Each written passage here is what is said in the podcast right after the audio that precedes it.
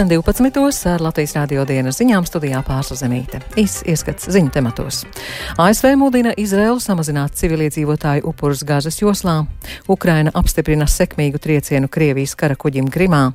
Latvijā ik gadu atklāja ap 1300 jaunus prostatas vēža gadījumus. Futbola virslīgās spraigas cīņas un dažādas intrigas.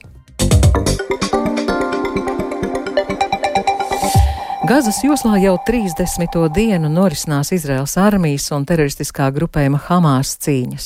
Izraela arī turpina intensīvus uzbrukumus no gaisa, kuru rezultātā joprojām iet bojā arī desmitiem civiliedzīvotāju. Neraugoties uz citu reģionu valstu aicinājumiem izsludināt pamieru, Izraela nevēlas to darīt, bet tās galvenā sabiedrotā Amerikas Savienotās valstis ir aicinājušas izrēliešus samazināt civiliedzīvotāju upurus. Vairāk stāsta Uldis Česberis. Izraēlas karaspēks, kas pilnībā ir aplēcis Gazas joslas lielāko pilsētu Gazu, nemitīgi veic uzbrukumus teroristiskā grupējuma Hamas pozīcijām. Izraēlas armija šodien paziņoja, ka kopš pagājušās nedēļas, kad sākās tās sauszemes operācijas Gazas joslā, izrēlieši ir uzbrukuši vairāk nekā 2500 mērķiem. Paziņojumā teikts, ka norisinās gan ielu kaujas, gan uzlidojumi Hamas infrastruktūrai, ieroču noliktavām, novērošanas punktiem un vadības un kontroles centriem. Izraēlas aizsardzības ministrs Joāvis Galants ir paziņojis, ka Izraēlas spēki sauszemes operāciju laikā ir iznīcinājuši vairākus Hamas bataljonus un nogalinājuši vismaz 12 grupējuma komandierus. Galants arī apsolīja atrast un nogalināt Hamas militāro līderi Gazas joslā Jahju Sinvaru, kuram esot jāatbild par 7. oktobrī notikušo asiņaino iebrukumu Izraēlas teritorijā.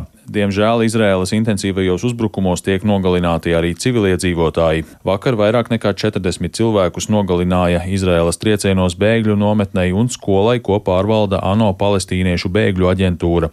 Izraēlas armija nesniedza komentārus par notikušo, bet iepriekš ir uzsvērusi, ka tā uzbrūk tikai teroristu infrastruktūrai, kas nereti ir izvietota blīvi apdzīvotos rajonos, lai izmantotu civiliedzīvotājus kā dzīvo vairogu. Vakar vakarā noslēdzās ASV valsts sekretāra Antonija Blinkena vizīte Jordānijā, kur viņš tikās ar Palestīnas pašpārvaldes Jordānijas, Ēģiptes, Saudārābijas, apvienoto Arābu Emirātu un Kataras pārstāvjiem, lai runātu par karu Gazas joslā. Arābu valstu pārstāvji gan privātās, gan publiskās sarunās neslēpa savu sašutumu par milzīgajiem civiliedzīvotāju upuriem Izraēlas uzbrukumos Gazai. Jordānijas ārlietu ministrs Aimāns Safādi aicināja ASV pārtraukt šo neprātu, bet Ēģiptes ārlietu ministrs Sāmeks Šukri aicināja izsludināt uguns pārtraukšanu Gazā bez nekādiem nosacījumiem. Blinkens uz šiem aicinājumiem atbildēja sakot, ka pamiers būtu izdevīgs tikai un vienīgi Hamas. That a ceasefire now. Would simply leave Hamas in place, able to regroup Mēs uzskatām, ka uguns pārtraukšana tagad vienkārši ļautu Hamas palikt savās vietās un dotu iespēju viņiem pārgrupēties un atkārtot to, ko viņi izdarīja 7. oktobrī. Ir svarīgi vēlreiz apliecināt Izraels tiesības aizstāvēt sevi, tās pienākumu to darīt, kā arī veikt nepieciešamos pasākumus, lai 7. oktobra notikumi nekad vairs neatkārtotos. Taču ir ļoti svarīgi arī tas, kā Izraela to dara. Izdevums The New York Times raksta, ka ASV amatpersonas Izraēlas kolēģiem ir izklāstījušas iespējas, kā varētu samazināt civiliedzīvotāju upurus Gazas joslā. Amerikāņi uzskata, ka to varētu panākt, ja Izraēla pirms triecienu veikšanas ievāktu vairāk izlūkošanas datu par Hamas vadības un kontroles tīkliem, izmantotu mazākas bumbas, lai sagrautu Hamas tuneļu tīklu un izmantotu savus sauszemes spēkus, lai atdalītu civiliedzīvotāju apdzīvotos centrus no kaujinieku koncentrēšanās vietām. Uldis Česberis, Latvijas radio. Ukrainas gaisa spēka komandieris Nikolais Oļešķuks šodien apstiprināja, ka Ukrainas spēki vakar ir īstenojuši sekmīgu triecienu pa Krievijas raķešu kuģi, kas atradās remonta rūpnīcā okupētajā Krimas pussalā. Vakar vakarā Ukrainas un Krievijas militārā vadība ziņoja par Ukrainas spārnotās raķetes uzbrukumu kuģu būvētavas zaļīvu infrastruktūrai Kerčā. Krievijas aizsardzības ministrija paziņoja, ka raķetes triecienā bojājumus ir guvis kuģis, kas atradās rūpnīcā, taču neminēja kuģa nosaukumu un veidu. Latvijā ik gadu atklāja ap 1300 jaunus prostatas vēža gadījumus. Tas ir galvenais Latvijas vīriešu nāves iemesls pēc sirds un asinsvadu slimībām. Katru gadu novembrī tiek aktualizēti vīriešu veselības jautājumi, un arī šogad Latvijas urologu asociācijas speciālisti izglītos par vēža diagnostiku un ārstēšanu, bet Rīgā noritēs gājiens, aicinot vīriešus regulāri pārbaudīt savu veselību. Plašāk Sintīs Ambots ierakstā. Onkoloģijas pacientu organizācija apvienības Onkoalians pārstāvis Edgars Āboliņš norāda, ka vīriešu dzīvildze joprojām ir vidē par deviņiem gadiem īsāka nekā sievietēm, un viens no galvenajiem vīriešu nāves iemesliem ir priekšdziedzera jeb prostatas vēzis, bet vienlaikus dati liecina, ka lielākā daļa vīriešu neveic bezmaksas profilaktiskās pārbaudes. Katru gadu tiek atklāta apmēram 1300 jaunu prostātas vēža gadījumu, Ja mēs vēl tam visam pievienojam klāt arī valsts kontrolas atzinumu, ka tikai 2% vīriešiem tiek veikts prostātas vēža skrīnings, tas ir ļoti slikti. Un arī sabiedrībā zināmā mērā ir šī stigma vēzis, nu, tas ir nāves spriedums. Nē, vēzis nav nāves spriedums. Un onkoloģija attīstās tik strauji, ka, nu, ja vakar vēl nebija kādas zāles vai iespējami izmeklējumi, ja, tad šodien tie jau ir. Tā kā vīriešiem noteikti nevajadzētu baidīties no šī PSA testa, baidīties uzzināt, ka viņiem kaut kas var būt. Es domāju, ka vīriešiem vajadzētu vairāk baidīties no tā, kas notiks tad, ja vīrietis šo testu neveiks laicīgi. Vīriešiem pēc 50 gadu vecuma ieteicams vismaz reizi gadā doties uz pārbaudu pie urologa, un reizi divos gados būtu jāveic prostatas specifiskā antigēna asins analīzes, kuras ar ģimenes ārsta norīkojumu visiem vīriešiem vecumā no 50 līdz 75 gadiem ir valsts apmaksātas. Rīgas austrumu slimnīcas uroloģijas un onkoloģiskās uroloģijas klinikas vadītājs Vilnis Lietuvietis norāda, ka īpaši vecākas paudzes vīriešu vidū joprojām valda stereotips saistībā ar veselības pārbaudēm varētu minēt noteikti vīriešu kautrīgumu par šo runāt. Liela daļa vīrieši ir pieraduši un arī audzināt tā, ka viņi ir sabiedrībā ģimenē stiprāk līnķi, kuriem nekad nekas nevar notikt, ka pie ārsta nevajag iet, jo viņiem viss ir kārtībā. Un ja šo paradigmu varētu mainīt, tad galvenais ir tas, ka šodien laicīgi atklājot audzējumu, mēs varam palīdzēt un cilvēks pilnībā izārstēt. Reizēm pat šķiet, tad tu šeit vesels, es tev viss ir labi, bet cilvēks ir atnācis pārbaudīties, jo tad var būt laiks mudināt tālāk, pārbaudīt cukura līmeni, sirds veselību, holesterīnu un pārējās lietas, kas ietekmētu cilvēkam gan dzīves kvalitāti, gan dzīves ilgumu. Ik gadu tieši novembrī tiek aktualizēti jautājumi par vīriešu veselību, un šogad 20. novembrī vīriešus un viņu ģimenes aicina doties nelielā gājienā, lai pievērstu uzmanību dažādām pārbaudēm.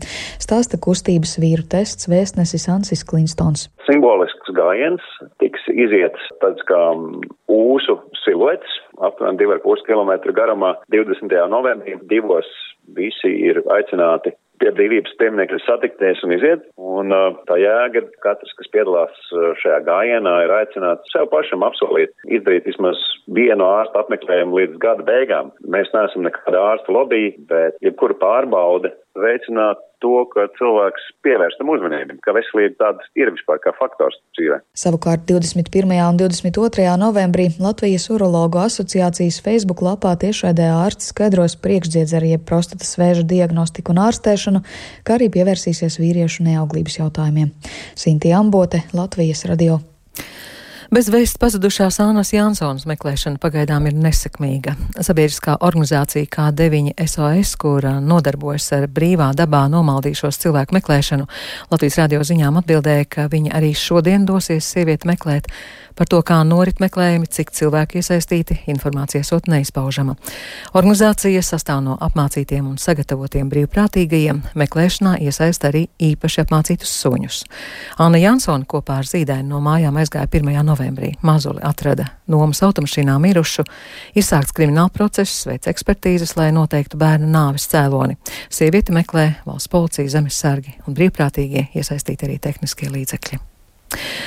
Valsts svētku mēnesī arī Kurzemē, Brocēnos un Ventspēlī būs skatāma fotoizstāde Esmu karavīrs. Izstāde organizē Zemesardzes 4. Kurzemes brigādes bataljonu sadarbībā ar vietējām pašvaldībām.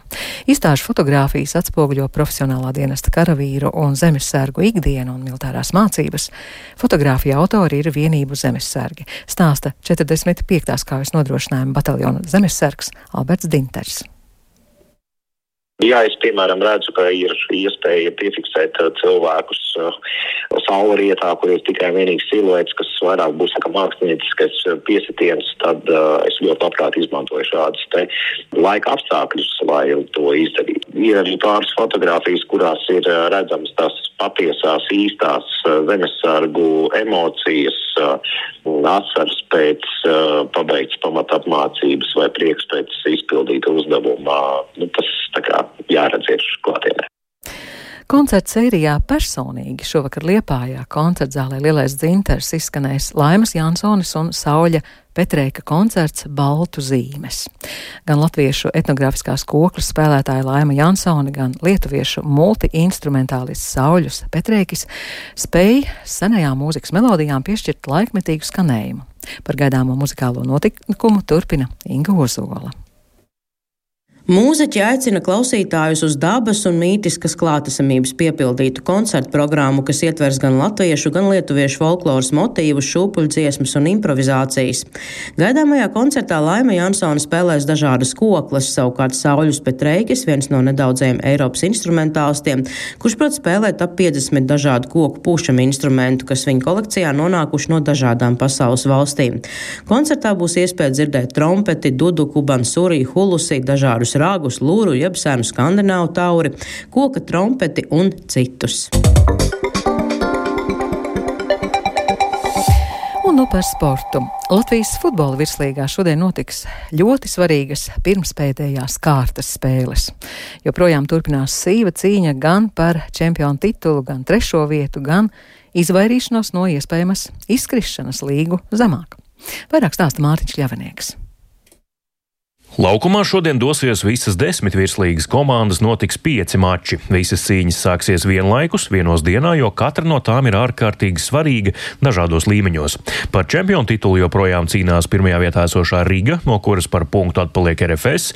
Riga šodien spēlēs izbraukumā pret metu, kas pēdējās spēlēs pierādījusi spēju iekost nomināli stiprākiem pretiniekiem.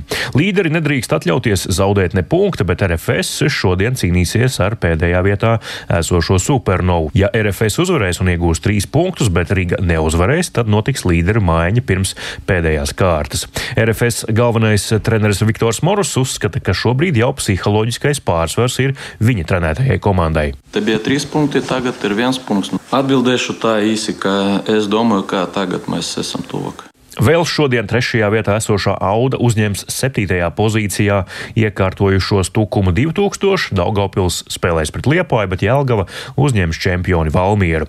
Četras labākās virslīgas vienības nākamgad spēlēs Eirokausos, tāpēc cīņa par šo četrnieku ir ļoti sīva. Pagaidām tur ir Auda un Valmiera, tāpat arī, protams, Rīga un RFS, bet Liepājnieki atpaliek vien par punktu. Saspringta situācija ir arī tabulas Kaigalī, kur devītā šobrīd meta. Šī komanda noteikti nevēlas turpināt ikgadējo tradīciju pozīciju un pārspēlēs cīnīties par vietas saglabāšanu līgā, tāpēc pašiem jāizcīna pēc iespējas vairāk punktu un jācer uz Daugavpils neveiksmēm, lai tieši Latgales klubs finišētu devītais. Mārtiņš Kļavanieks, Latvijas radio.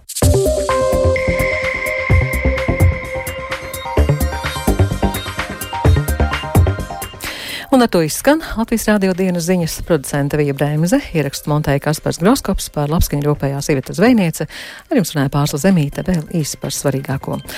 Amerikas Savienotās valstis mudina Izrēlu samazināt civiliedzīvotāju upurus gazas joslā.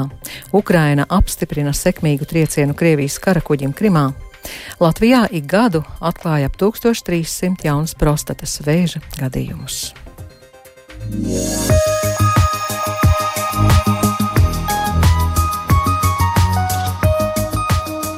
Latvijas vides geoloģijas un meteoroloģijas centrs informē, pat labam Rīgā ir 8 grādi, dienvidaustrum vējš 3 m2, gaisa spiediens 746 mm, gaisa relatīvais mitrums 78%. Šodien Latvijā mainīgs mākoņu daudzums, no pēcpusdienas vietām īslaicīgs lietus, dienvidaustrumu austrumu vējš 2,7 m2, gaisa temperatūra 7,10 grādi. Rīgā Mainīgs mākoņu daudzums bez būtiskiem nokrišņiem, dienvidaustrumu vējš 3,7 m2 un gaisa temperatūra ap 10 grādiem. Laika tips šodien otrais - labvēlīgs.